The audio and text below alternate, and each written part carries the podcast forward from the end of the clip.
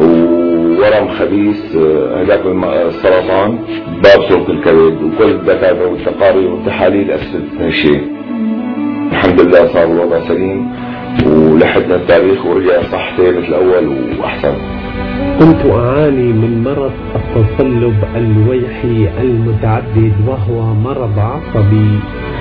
صعب جدا حتى أنني كنت أعاني من فقد حس الذوق وحس الشم. وأيضا كنت أعاني من إنهاك كان يحدث معي إنهاك عام في جسمي حتى أني فقدت الحركة تماما حتى أنني شعرت أني ولدت من جديد. أنا متزوج لي سنتين ما خلفت. عرضت حالي على دكاترة كثير. معي دوالي بس سنتين عملت عملية ما استفدت شيء طبعا. والحمد لله. مشت الأمور والآن جوزت حامل معي مرض نعور وراثي يعني هذا هذا المرض يعني إذا أكلت طرى على جسمك أو انجرح انجرح أي مكان جسمك بيصير نزف. نزف داخلي أو خارجي يعني. يعني إذا أكلت طرى على إيدي قبل يعني بتورم يعني شي ثلاث أربعة أيام لا بقدر نام حتى أروح على مشفى الدولي.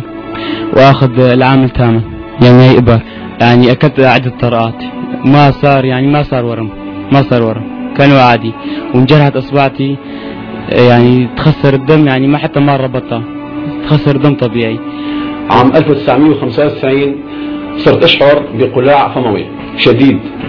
رحت رجعت أحد الأطباء طلب مني تحليل حللت قام قال لي ما لك عندي علاج. شو أسباب؟ قال لي معك داء خلوص بهجت. ولحد الآن ما في أي مرض نهائيا. تعددت الأمراض المستعصية. والدواء واحد. الحجامة اكتشاف عربي يغزو العالم.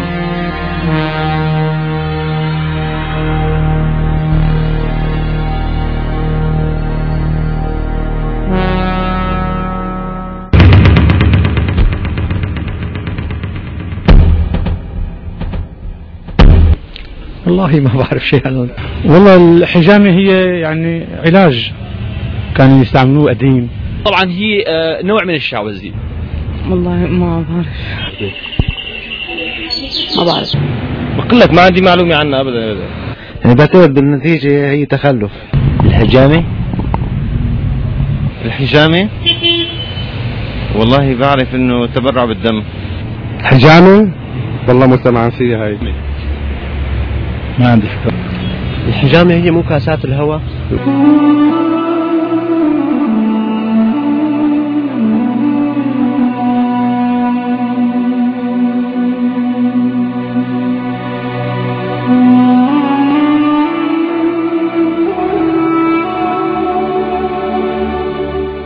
الحجامة يمكن أن تعرف طبيا بأنها عملية جراحية بسيطة تجري على منطقة الكاهل من البدن والغاية منها تخليص البدن من كافة الترسبات الدموية والسموم الحاصلة في البدن. مما يعطي لهذا البدن بعد عملية الحجامة دفعا قويا يسمح له بزيادة مناعته وزيادة القدرة على الشفاء. الحجامة في نفعها العميم وفوائدها الجلة إنما يشير إليها لفظها. ولكل مسمى من اسمه نصيب. فالحجامة مشتقة لغويا من حجم وأحجم. يقال حجم المرء الأمر أي أعاده إلى نصابه الطبيعي والحجامة تحجم الدم فتعيده إلى قواه وإلى نفعه الطبيعي وتأخذ ما تراكم أو تزايد من المواد والأشياء الضارة بالدم. وأيضا مشتقة من كلمة أحجم أي تحجم الأمراض والأسقام أن تغزو جسم المحتجم إذا طبقها في كل عام مرة. تعود الحجامة في تاريخها إلى عهود غابرة. يتناقلها الأنبياء والمرسلون في وصاياهم. وقد استخدمت عند الفراعنة الذين كان لهم باع عظيم في المجال الطبي عندما لمسوا فوائدها ومنفعتها فوجدت لها رسوم منقوشة على جدران مقبرة الملك الفرعوني توت عنخ آمون. وعرفها الإغريق القدماء واليونان وانتشر استعمالها في عهد أبي قراط أبي الطب اليوناني. واستمر تداولها قرونا عدة وعرفت في فرنسا. فمن الناس من أحسن استخدامها ومنهم من كان استخدامه لها عشوائيا. هذا موضوع الحجامي كان يشتغل نظري أن كنت صغيرا فقط كنت مولعا بالقراءة الكثيرة وكنت أجد في كتب الأدب وكتب التاريخ أن الملوك والأمراء وشيوخ القبائل كانوا يعتنون كثيرا بالحجامة فكانوا يخصصون يوما من السنة يخرجون فيه إلى البساتين ويقومون بالحجامة أو يقوم جماعة لهم بالحجامة ضمن طقوس معينة ومحدودة ومعروفة. غير أن عصر ازدهارها كان في ظل الإسلام بعد أن أوفاها صلى الله عليه وسلم حقها من البيان العلمي. وما تبين لها من فوائد باهرة النتائج. لأن الحجامة وبعد عهد مديد من انتقال الرسول العربي صلى الله عليه وسلم نسيت قوانينها شيئا فشيئا نتيجة للإهمال والاستهتار والتجاوزات حتى اندثرت وضاعت إلا ما ندر منها. وهناك أيد آثمة دست الكثير عليها فأقلع الناس عن الحجامة ونسوها. صحيح أن قسما من الناس كانوا يعتمدونها لكن وللأسف ما كانوا ليستفيدوا منها الفائدة المرجوة أو لا يستفيدون أبدا وذلك لأنهم كانوا لا ينفذونها ضمن الشروط العلمية الدقيقة لهذه العملية الجراحية البسيطة. فالقوانين اندثرت وضاعت فهم ينفذونها شتاء صيفا أو بعد بذل مجهود وتعب جسمي أو بعد طعام أو في غير موضعها. أما العلامة السوري الراحل محمد أمين شيخو فلقد أحيا هذه السنة بإحيائه لقوانينها وشروطها العلمية الدقيقة التي ذكرت في كتابه ووضعها موضع تنفيذها الصحيح من الجسم. كما جاء بالسر العام لآلية شفائها وهي التخلص من الدم الفاسد. لقد أعاد هذا الفن العلاجي المفيد ونشره بقوانينه وأصوله في معارفه كافة. أقاربه أصدقائه وطلاب العلم لديه وهم الذين نشروه طبعا في معارفهم وذويهم حتى عامة الناس. وهكذا حتى صار للحجامة انتشار واسع في الكثير من البلاد. وذلك لما وجد الناس فيها من فائدة عملية عظيمة نفسية وجسدية فأقبلوا عليها بشكل كبير في السنوات الأخيرة لما تحقق بها من معجزات شفاء لأمراض العصر المستعصية. يمكن القول إلا أن فتحا طبيا جديدا.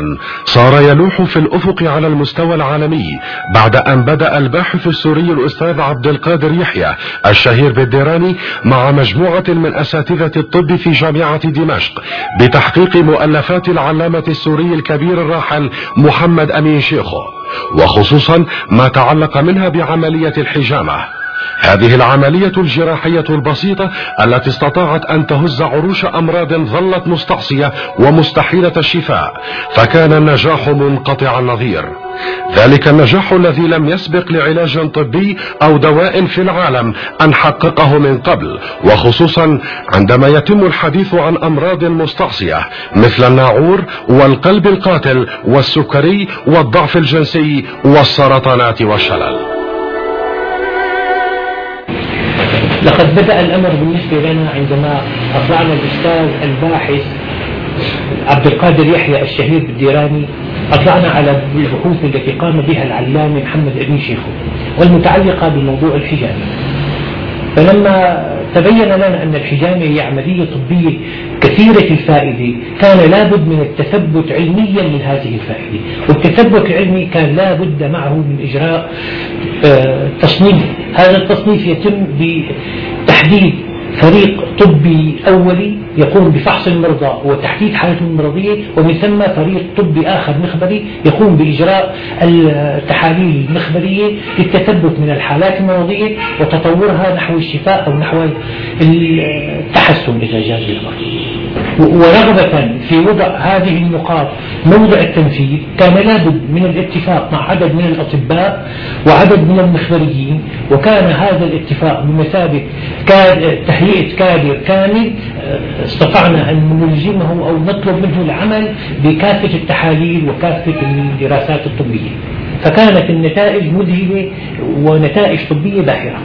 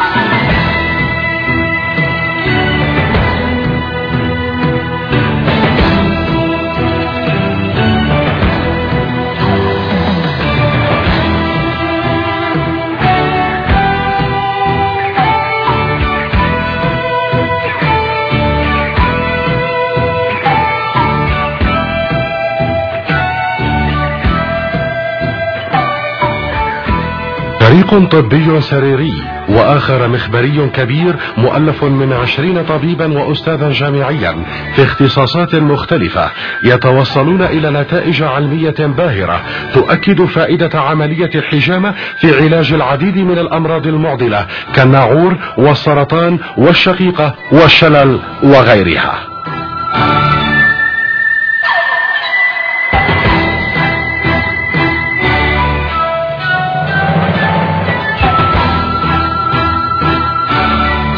طبي متكامل تؤكده الفحوصات الطبية والنتائج المخبرية والصور الشعاعية.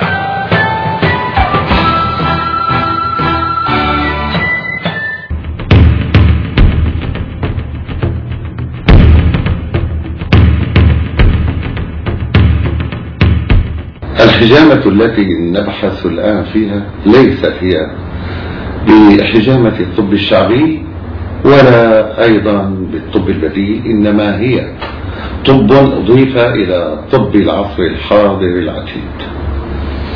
وسمى بهذا الطب فحل معضلات الأبدان تقريبا كلها. لذا وذلك بسبب الأنظمة والقوانين الطبية التي تطبق فيه فإذا أهملت بعض هذه القوانين فإن الحجامة تفقد نفعها. إنما هذه الأنظمة أنظمة سنوية وأنظمة شهرية وفصلية ويومية. نظامها السنوي أنها تتم في كل سنة مرة واحدة. لا يمكن تطبيقها أكثر من مرة في السنة. وذلك لأجل أن تكون عادة للمحتجم أو المريض أو ال... الذي يريد أن يتوقى من الأمراض. فنعم العادة الحجامة أي أنها عادة سنوية. وبالنسبة لنظامها الفصلي فإنها لا تتم حصرا إلا في فصل الربيع. فبهذا الفصل يكون المناسب إجراؤها لأن الرسول الكريم قال استعينوا على شدة الحر بالحجامة وأما في البلاد الإفريقية مثلا فيستعينوا على شدة الحر بالحجامة ربما كان فصل الربيع عندهم حارا جدا فيمكن أن يستبقوا الوقت أي قبل قدوم الحر الشديد على بلادهم ونحن لا نستطيع أن نقوم بعملية الحجامة الطبية في فصل الصيف لأن الحر يشتد ويميع الدم ويختلط الحابل بالنابل إذ تختلط الشوائب والكريات الهرمة والرسوبات مع الكريات الفتية وكريات البيض. فلذلك لا نستطيع إجراء الحجامة فيها. كذلك لا نستطيع إجراء الحجامة في فصل الخريف المماثل لفصل الربيع لأن هذا الفصل أيضا يتبعه فصل الشتاء البارد فإذا استأصلنا الدماء فيضعف الجسم ويتعرض بذلك لبناء كريات جديدة فتية ولا يتحمل مع إجراء هذا البناء البرد الشديد فيتعرض الجسم للضعف والحجامة للقوة لا للضعف بالنسبة للشهر الشهر الحقيقة نتقيد بالأشهر القمرية لأن للقمر جاذبية معلومة لا تنكر. فالجاذبية للقمر تؤثر على المد والجزر في البحار حتى أنها تؤثر على بعض القارات. فالقارة الشمالية الأمريكية ترتفع بمقدار خمسة عشرة سنتيمتر في عند اشتداد أو القمر في النصف الأول من الشهر القمري.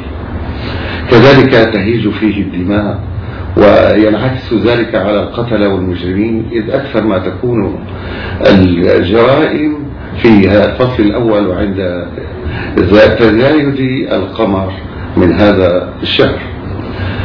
كذلك فإن له تأثير على النبات وتأثير على كل سنتيمتر مربع من الأرض وينعكس ذلك أيضا على أبدان وأجسام البشر لأن هذا الجسم هو جزء من هذا الكون وفيه من السوائل ما يتماثل مع السوائل الموجودة في الكرة الأرضية. لذلك نرى أن ازدياد في النصف الأول حينما يزداد القمر فإن الدم يهيج وتختلط الدماء الهرمة مع العاملة النشيطة الفتية كذلك تهيج الرسوبات والشوائب بالدم وهذا ما يمهد لركودها في النصف الثاني من الشهر القمري. وفي الحديث الشريف تكره الحجامة في أول الهلال ولا يرجى نفعها إلا حتى ينقص الهلال. فلذلك نجري الحجامة في النصف الثاني من الشهر القمري أي منذ السابع عشر حتى السابع والعشرين من ذاك الشهر. وبالنسبة للشروط اليومية يجب أن يكون المرء صائما حتى يطبق الحجامة أي الحجامة على الشرع داء وهي على الريق شفاء. فينبغي ألا يأكل شيئا على الإطلاق لئلا يتحرك الدم الضار ويختلط بالكريات البيضاء والكريات الدموية العاملة الفتية. فيجب ألا نتناول شيئا ويكون الأمر صباحا أو ضحى. وفي ذلك اليوم ينبغي علينا أن نتجنب آه، مشتقات اللبن والحليب بالكلية يوما واحدا يوم إجراء الحجامة وبعدها لا ضرر من تناولها. الشرط المهم بالنسبة لمكان تطبيق إجراء الحجامة هو الكاهل من الظهر تحت لوحي الكتف. فعند النوم تتجمع هذه الدماء الضارة والشوائب الدموية في أهدأ منطقة ألا وهي الظهر لا سيما منطقة الكاهل التي ذكرناها. إن منطقة الكاهل هي المنطقة المثلى لإجراء عملية الحجامة. فهي تتميز بأنها من أكثر المناطق ركودة في جسم الإنسان. مما تتصف به من أنها منطقة خالية من المفاصل. والعضلات الموجودة فيها هي عضلات شد وتثبيت للعظام. وشبكة الشعيرات الدموية فيها هي أشد ما تكون تشعبا وغزارة ولذلك تنخفض سرعة الدم في الأوعية السطحية إلى الحدود الدنيا وفي الأوعية الدموية العميقة منها. ومن الثابت أن الخثرات والشوائب الدموية والكريات الهرمة تبحث عن مناطق أقل نشاطا وحركة لتأوي إليها. لذلك تحط رسوبيات الدم رحالها في منطقة الكاهل التي تتوفر فيها تلك الشروط. ومثل الكريات في سلوكها في جهاز الدوران وبمنطقة الكاهل خصوصا أشبه ما يكون بالنهر مع رسوبياته فالنهر يكون بأشد قوة جريانه عند المنبع يجرف أمامه كل شيء إلا ما ثقل كثيرا. ثم تراه يخف تدريجيا في الوسط حتى يصبح عند مصبه هادئا يكاد أن يكون راكدا حيث تحط رسوبيته التي كانت عالقة بمياهه الجارية رحالها في قعره.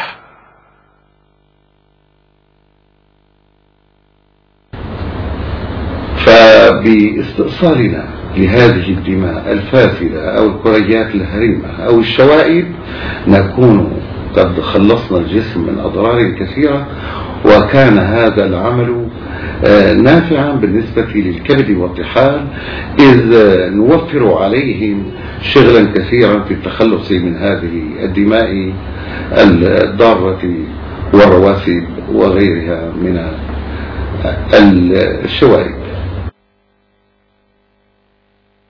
بالنسبة لعمر المخزوم آه، وقاية فلذلك ينبغي على كل رجل بلغ أو تجاوز سن العشرين أن يطبق الحجامة على نفسه لتقيه من الأمراض.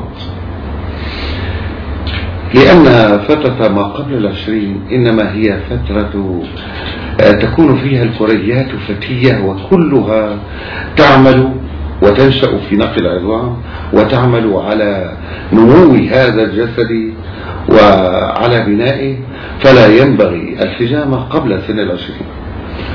أما بالنسبة للنساء فالنساء عندهم جعل الله لهم مصرفا طبيعيا قبل سن اليأس ألا وهو العادة الشهرية فينبغي على النساء أن يطبقن الحجامة كرجال تماما بعد سن اليأس. حيث تكثر الأمراض في هذا السن بالنسبة على النساء كثيرا.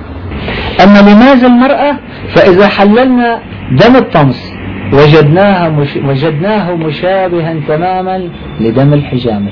إذا نفس الدم الفاسد فالمرأة عندما يأتيها الطمس تتخلص من هذا الدم ولا بحاجة لأي شيء آخر. أما عند بعد سن اليأس تكون السموم غلت ودم الطمس انقطع فالحجامة عندها تفيدها كما كان يفيدها دم الطمس. فهذه الأصول ندعو كل من يقوم بإجراء الحجامة باتباعها وتطبيقها ويكون بذلك مشكورا آه، ولا يؤذي أو يضر أحدا.